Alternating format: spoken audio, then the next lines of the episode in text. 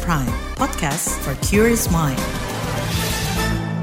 Halo saudara, senang sekali kami bisa menyapa Anda kembali melalui program KBR Sore edisi Rabu 24 Mei 2023. Saya Sindu Darmawan kembali menemani Anda selama kurang lebih 30 menit ke depan. Sore ini kita membahas mengenai keterwakilan perempuan dalam kontestasi pemilihan umum. Belum lama ini, Komisi Pemilihan Umum KPU menerbitkan aturan penghitungan baru calon legislatif perempuan. Bilet itu dinilai bakal mengancam keterwakilan perempuan yang sesuai undang-undang seharusnya minimal 30 persen. DPR, KPU, dan pemerintah kekeh mempertahankan aturan tersebut meski diprotes kalangan pegiat pemilu. Upaya menggugat ke jalur hukum kian menguat. Bagaimana peluang pegiat pemilu mendorong perubahan aturan tersebut? Selengkapnya kita bahas di KBR sore.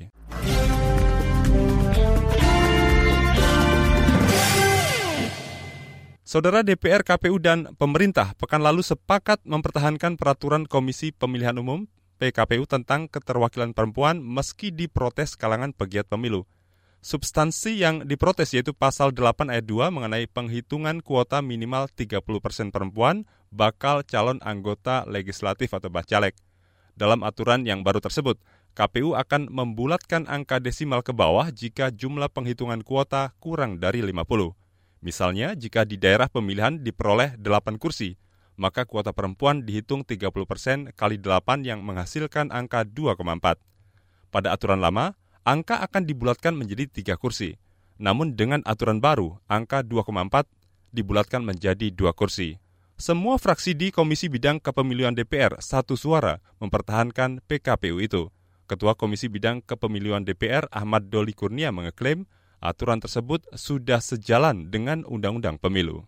Suaranya sama bahwa peraturan KPI nomor 10 tahun 2002 itu tidak perlu ada perubahan. Jadi kita tetap konsisten dan peraturan ini saya kira juga relevan dengan Undang-Undang nomor tahun nomor 7 tahun 2017 terutama pasal 245 yang membangkitkan kesadaran atau consciousness pada seluruh partai politik ya. Jadi peraturan KPU nomor 10 ini sebetulnya sudah secara tidak langsung sudah membangun kesadaran dan kesepahaman kepada seluruh partai politik untuk memenuhi syarat minimal 30% itu.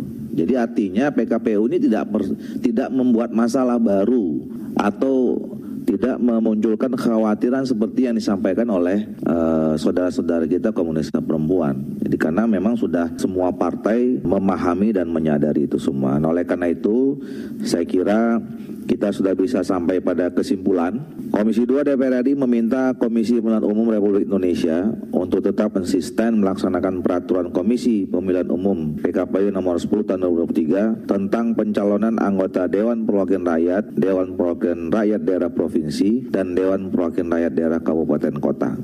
Setuju ya? Oke, baik. Saudara sejumlah fraksi di Komisi Kepemiluan DPR menilai PKPU tersebut sudah telanjur berjalan sehingga perubahan atau revisi dikhawatirkan bakal mengubah jalannya tahapan pemilu. Hasil rapat di Komisi Kepemiluan DPR itu tidak sejalan dengan keputusan tripartit antara KPU, Bawaslu, dan Dewan Kehormatan Penyelenggara Pemilu DKPP 10 Mei lalu. Pertemuan tersebut menghasilkan keputusan untuk merevisi PKPU mengenai penghitungan bacalek perempuan. Pertemuan digelar setelah Koalisi Kawal Keterwakilan Perempuan beraudiensi dengan anggota Badan Pengawas Pemilu Bawaslu 8 Mei lalu. Dalam pertemuan itu, koalisi menuntut Bawaslu memberi rekomendasi kepada KPU supaya merevisi bilik tersebut. Ketua Bawaslu Rahmat Bagja mengatakan, koalisi mengancam bakal menggugat aturan itu ke Mahkamah Agung jika tidak kunjung direvisi. Kemudian kesimpulan kami, Bawaslu mendorong KPU bertindak aspiratif dan dalam rangka upaya penguatan dan peningkatan peran perempuan dalam kontestasi pemilu. Sehingga kemudian atas permasalahan tersebut, kami KPU, Bawaslu, dan DKPP melakukan forum tripartit. Melalui forum tripartit antara DKPP, Bawaslu, dan KPU, Bawaslu mendorong KPU mempertimbangkan tanggapan dan aspirasi publik untuk mereview ketentuan pasal 8 ayat 2 PKPU nomor 10 tahun 2023 dan mengembalikan pada substansi norma peraturan sebelumnya. Itu tadi Ketua Bawaslu Rahmat Bagja. Saudara rencana merevisi PKPU mengenai penghitungan keterwakilan perempuan juga sempat disampaikan Ketua KPU Hashim Asyari. Hashim mengatakan rencana revisi diputuskan usai sejumlah kalangan memprotes aturan penghitungan pecahan desimal ke atas. Kemudian kami bersepakat untuk dilakukan sejumlah perubahan dalam peraturan KPU nomor 10 tahun 2023 terutama yang berkaitan dengan cara penghitungan 30 persen jumlah bakal calon anggota DPR, DPRD Provinsi, dan DPRD Kabupaten Kota perempuan di setiap dapil. Akan dilakukan perubahan menjadi dalam hal penghitungan 30 persen jumlah bakal calon perempuan di setiap dapil menghasilkan angka pecahan dilakukan pembulatan ke atas. Itu tadi Ketua KPU Hashim Asyari. Saudara PKPU yang baru juga merevisi sejumlah aturan. Selain soal penghitungan keterwakilan perempuan, juga ada revisi mengenai bacalek dari bekas napi korupsi. Ex napi korupsi bisa melenggang menjadi bacalek meski belum memenuhi para syarat jeda lima tahun. Aturan itu dinilai melanggar putusan Mahkamah Konstitusi. Bagaimana dampak terhadap tahapan pemilu? Selengkapnya akan dibahas di laporan khas KBR berjudul ketika PKPU beri celah pada koruptor ikut pemilu. Tetaplah di KBR sore. You're listening to KBR Pride, podcast for curious mind. Enjoy.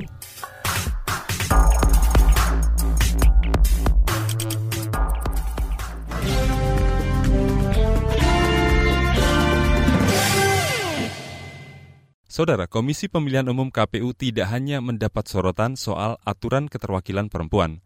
Sorotan juga datang dari publik terkait aturan KPU yang mengizinkan ex narapidana koruptor maju dalam pencalonan legislatif. Apa yang dikhawatirkan? Berikut laporan khas KBR yang disusun reporter Agus Lukman. Sejumlah partai politik mengajukan nama bekas narapidana sebagai bakal calon anggota legislatif untuk pemilu 2024. Bekas napi itu ada yang karena jeratan kasus korupsi. PDI Perjuangan Provinsi Bangka Belitung mengajukan dua ex napi korupsi sebagai bakal caleg ke DPRD, termasuk bekas Bupati Bangka Selatan, Jarmo Jalil yang difonis satu tahun penjara dalam kasus korupsi proyek APBD. Di Bali, Partai Hanura Kabupaten Buleleng mencalonkan seorang bekas kepala desa yang pernah difonis 15 bulan penjara dalam kasus korupsi proyek desa. Masuknya nama bekas terpidana korupsi dalam daftar bakal calon anggota legislatif itu memunculkan polemik, terutama karena Mahkamah Konstitusi sudah membuat keputusan perubahan terhadap Undang-Undang Pemilu Nomor 7 Tahun 2017 tentang pemilu. MK menyatakan terpidana korupsi harus menunggu masa tenggang lima tahun setelah bebas sebelum maju dalam pemilu legislatif. Keputusan itu dibacakan Mahkamah Konstitusi pada 30 November tahun lalu. Dengan demikian, berdasarkan uraian pertimbangan hukum tersebut, Mahkamah berpendapat terhadap ketentuan norma pasal 240 ayat 1 huruf G U7 2017 perlu dilakukan penyelarasan dengan memberlakukan pula untuk menunggu jangka waktu lima tahun setelah mantan terpidana, selesai menjalani pidana penjara berdasarkan putusan pengadilan yang telah mempunyai kekuatan hukum tetap dan adanya kejujuran atau keterbukaan mengenai latar belakang jati dirinya sebagai mantan terpidana sebagai syarat calon anggota DPR, DPRD provinsi, dan DPRD kabupaten kota. Di samping syarat lain yang juga ditambahkan sebagaimana pemaknaan konstitusional secara bersyarat yang terdapat dalam pasal 7 ayat 2 huruf G U10 2016. Dalam putusan saat ini, Hakim Mahkamah Konstitusi Suhartoyo menjelaskan, waktu tenggang lima tahun itu dianggap cukup bagi narapidana untuk melakukan introspeksi diri dan beradaptasi dengan masyarakat lingkungannya sebelum mencalonkan diri sebagai kepala daerah atau calon anggota legislatif. Putusan Mahkamah Konstitusi itu ditindaklanjuti Komisi Pemilihan Umum KPU dengan memasukkan aturan dalam peraturan KPU nomor 10 dan PKPU nomor 11 tahun 2023 tentang pencalonan anggota DPR, DPRD, dan DPD. Rumusan aslinya adalah tidak pernah dipidana penjara berdasarkan putusan pengadilan yang telah memperoleh kekuatan hukum tetap karena melakukan tidak pidana yang diancam dengan pidana penjara lima tahun. Jadi yang digunakan adalah ancamannya, bukan dakwaannya maupun putusannya. Atau lebih, kecuali secara terbuka dan jujur mengemukakan kepada publik bahwa bersangkutan mantan terpidana. Nah soal apa namanya pengakuan secara terbuka ini yang kemudian kami rumuskan harus dimuat di dalam media. Nanti di dalam uh, juknis kami tentukan medianya ini adalah media dengan kategori apa.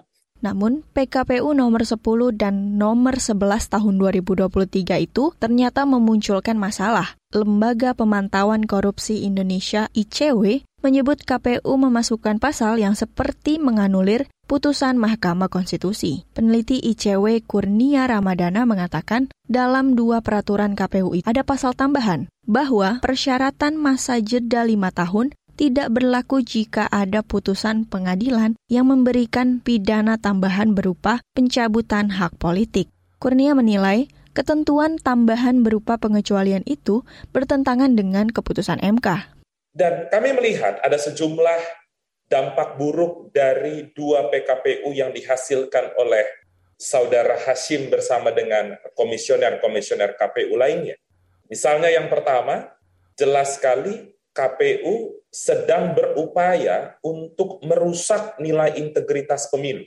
Karena MK sudah berupaya semaksimal mungkin memberikan masa jeda waktu lima tahun, tapi justru ditabrak secara semena-mena oleh KPU sendiri. Selain dari itu juga tidak salah jika kemudian kita katakan PKPU yang dihasilkan oleh KPU berpihak pada koruptor.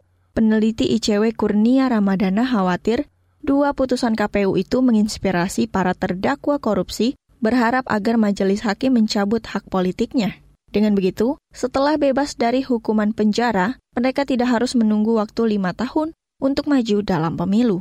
Laporan ini disusun Agus Lukman, saya Hoirunisa. Saudara, Koalisi Perempuan Indonesia akan menempuh jalur hukum untuk menggugat PKPU tentang keterwakilan perempuan. Mereka menduga ada kepentingan politik di balik munculnya aturan itu. Selengkapnya seusai jeda, tetaplah di KBR Sore. You're listening to KBR Pride, podcast for curious mind. Enjoy!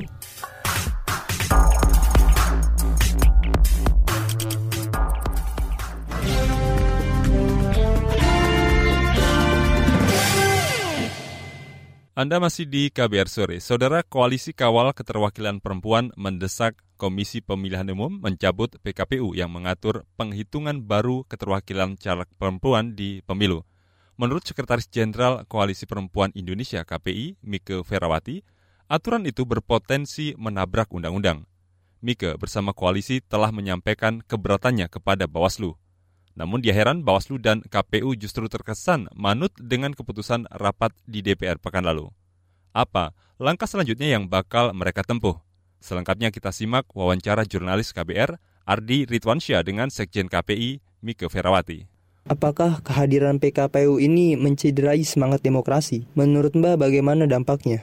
Pengaturan pembulatan ke bawah ini justru tidak mencerminkan atau tidak mengikuti aturan sebelumnya di mana sekurang-kurangnya atau paling sedikit itu harus 30 persen kan. Nah itu kalau dihitung pembulatan ke bawah Mas Ardi untuk dapil yang paling banyak saja pun ya itu tetap tidak bisa tercapai keterwakilan perempuan karena persentase kecil dan pembulatan ke bawah. Jadi 30 aja tidak mencapai seperti itu. Jadi kan ini semangatnya justru ini tidak mencerminkan mandat uh, konstitusi dan mandat undang-undang pemilu ya terutama di pasal 245. Dan kita mencoba untuk uh, apa ya maksud istilahnya pendekatan secara personal lah ya kita juga melalui uh, kawan-kawan komisioner di dalam tapi tidak bergeming ya terutama Pak Idam Holik yang justru malah mengeluarkan statement ke publik bahwa itu tidak akan lagi dirubah akan karena memang itu sudah perhitungan matematika internasional. Kita bingung per matematika internasional bagaimana? Ini bukan persoalan hitung-hitungan matematika mau internasional global atau nasional ya. Tapi ini persoalan bahwa ini sudah melanggar uh, apa ya ketentuan bahwa kewajiban untuk persyarat wajib bagi pendaftar atau peserta pemilu adalah memenuhi di setiap dapilnya. Apakah nanti bakal menggugat ke Mahkamah Agung? Kita menempuh jalur hukum ya dengan uji materi ke Mahkamah Agung Mas. Jadi ini kita upayakan untuk mengembalikan pengaturan yang salah ini ya Mas ya. Minimal itu dikembalikan kepada pasal semula ya yang itu diatur dalam PKPU sebelumnya bahwa itu pembulatan ke atas. Sebenarnya kan hanya itu saja harapan kami sehingga prasyarat 30% itu tetap bisa dipenuhi. Dan persoalannya kan ya itu tadi karena kita juga tidak mau kalau ini misalnya pahit-pahitnya PKPU ini tidak mengalami revisi sama sekali maka bolanya sekarang ada di Mahkamah Agung supaya nggak keterusan gitu loh Mas Ardi dan kami mengantisipasi agar PKPU yang mengatur salah ini tidak dipakai lagi dalam pemilu-pemilu berikutnya gitu ya. Jadi dia harus dikembalikan kepada aturan yang benar atau aturan yang betul-betul apa ya maksudnya mengikuti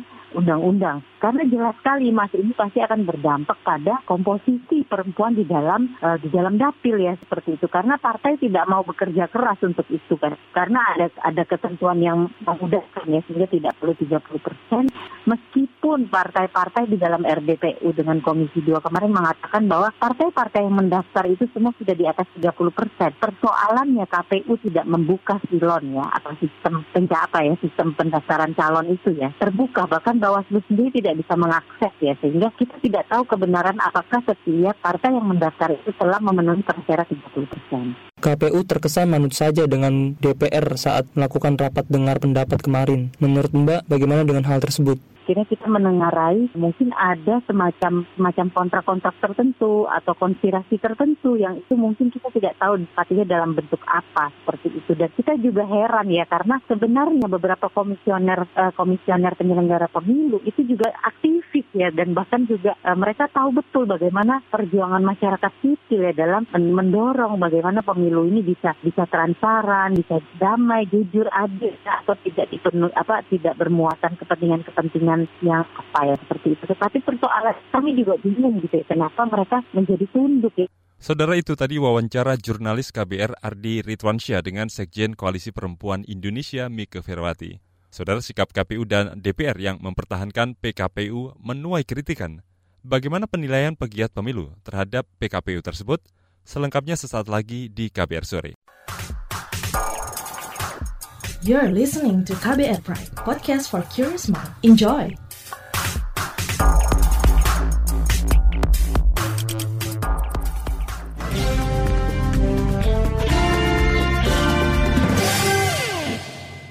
Anda masih mendengarkan KBR Sore. Saudara sikap KPU yang terkesan menerima keputusan rapat DPR pada Rabu pekan lalu menuai sorotan. Dalam rapat itu semua pihak sepakat mempertahankan PKPU yang mengatur penghitungan baru bacalek perempuan. Padahal KPU sebelumnya sepakat merevisi aturan yang dikritik kalangan pegiat pemilu tersebut. Aturan itu dinilai melanggar Undang-Undang Pemilu. Wakil Koordinator Maju Perempuan Indonesia MPI sekaligus pengajar hukum pemilu di Universitas Indonesia, Titi Anggraini menagih revisi yang dijanjikan KPU. Dia mendorong agar KPU mandiri dan menunjukkan komitmen yang mengakomodasi keterwakilan perempuan. Apa dampaknya jika aturan tersebut melenggang mulus? Selengkapnya kita simak wawancara jurnalis KBR Astri Septiani dengan Wakil Koordinator Maju Perempuan Indonesia, sekaligus pengajar hukum pemilu di Universitas Indonesia, Titi Anggraini. Pada RDP pekan lalu, DPR dan juga KPU sepakat mempertahankan PKPU nomor 10 tahun 2023 yang memuat ketentuan perhitungan kuota minimal caleg perempuan.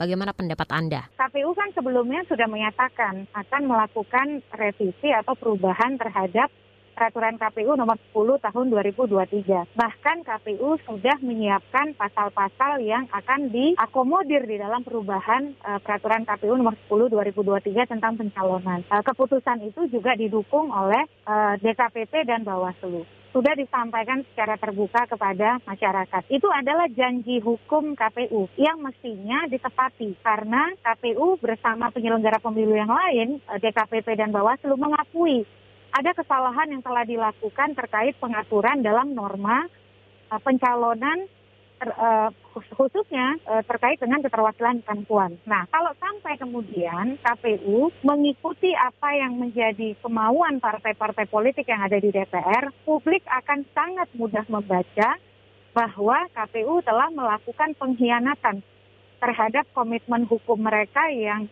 uh, disampaikan secara terbuka kepada masyarakat dan juga gerakan keterwakilan perempuan. Dan bukan hanya itu, pengkhianatan itu juga akan kemudian sangat uh, mudah juga dibaca sebagai bentuk terganggunya kemandirian KPU di mana KPU lebih tunduk kepada kepentingan partai-partai politik. Apakah PKPU 10 ini melanggar aturan dan juga apa dampaknya terhadap penghitungan caleg di tingkat DPR maupun di Dapil?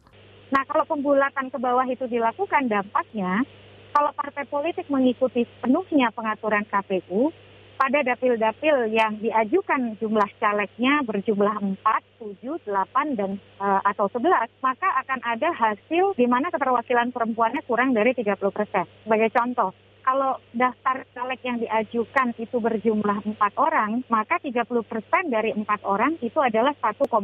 Nah kalau dibulatkan ke bawah, artinya hasilnya hanya angka satu. Berarti e, dari empat caleg, partai politik cukup mengajukan satu perempuan caleg saja. Nah kalau kita hitung, satu dari empat artinya hanya 25 persen, kurang dari 30 persen. Padahal pasal 245 Undang-Undang nomor 7 tahun 2017 menyaratkan paling sedikit 30 persen perempuan caleg di dalam daftar bakal caleg yang diajukan oleh partai politik di setiap daerah pemilihan. Nah itu problemnya. Jadi kita mengingkari komitmen afirmasi yang dijamin oleh Undang-Undang Pemilu dan juga mengingkari komitmen afirmasi yang dijamin oleh Undang-Undang Dasar di pasal 28H ayat 2 di mana negara menjamin hak setiap warga negara untuk mendapatkan kemudahan dan perlakuan khusus dalam rangka mencapai persamaan dan keadilan kesetaraan di dalam kehidupan bernegara.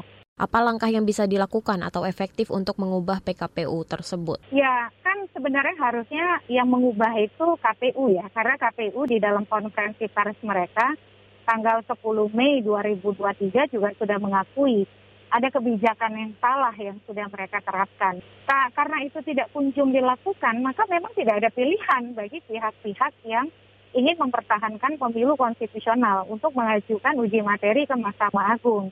Karena ruang perubahan itu ketika internal review tidak dilakukan oleh KPU, maka satu-satunya cara adalah external review. Dan itu melalui Mahkamah Agung. Nah, hal-hal itu ya memang harus jadi harapan kita karena ruangnya hanya ada di sana. Yang kedua adalah melalui koreksi etik pelaporan uh, pelanggaran kode etik penyelenggara pemilu ke DKPP karena Bawaslu eh, karena KPU telah mengingkari komitmen dan janji hukumnya yang disampaikan kepada publik. Mereka kan sudah tidak jujur. Janjinya merevisi peraturan KPU, tapi realitasnya justru malah tunduk kepada kepentingan dan kemauan Komisi 2 DPR. Saudara itu tadi wawancara jurnalis KBR Astri Septiani dengan Wakil Koordinator Maju Perempuan Indonesia Titi Anggraini. Informasi tadi menutup jumpa kita di KBR Sore edisi Rabu 24 Mei 2023. Pantau selalu informasi terbaru melalui situs kbr.id, Twitter kami di akun @beritaKBR serta podcast di alamat kbrprime.id. Saya Sindu Darmawan bersama tim yang bertugas undur diri. Salam.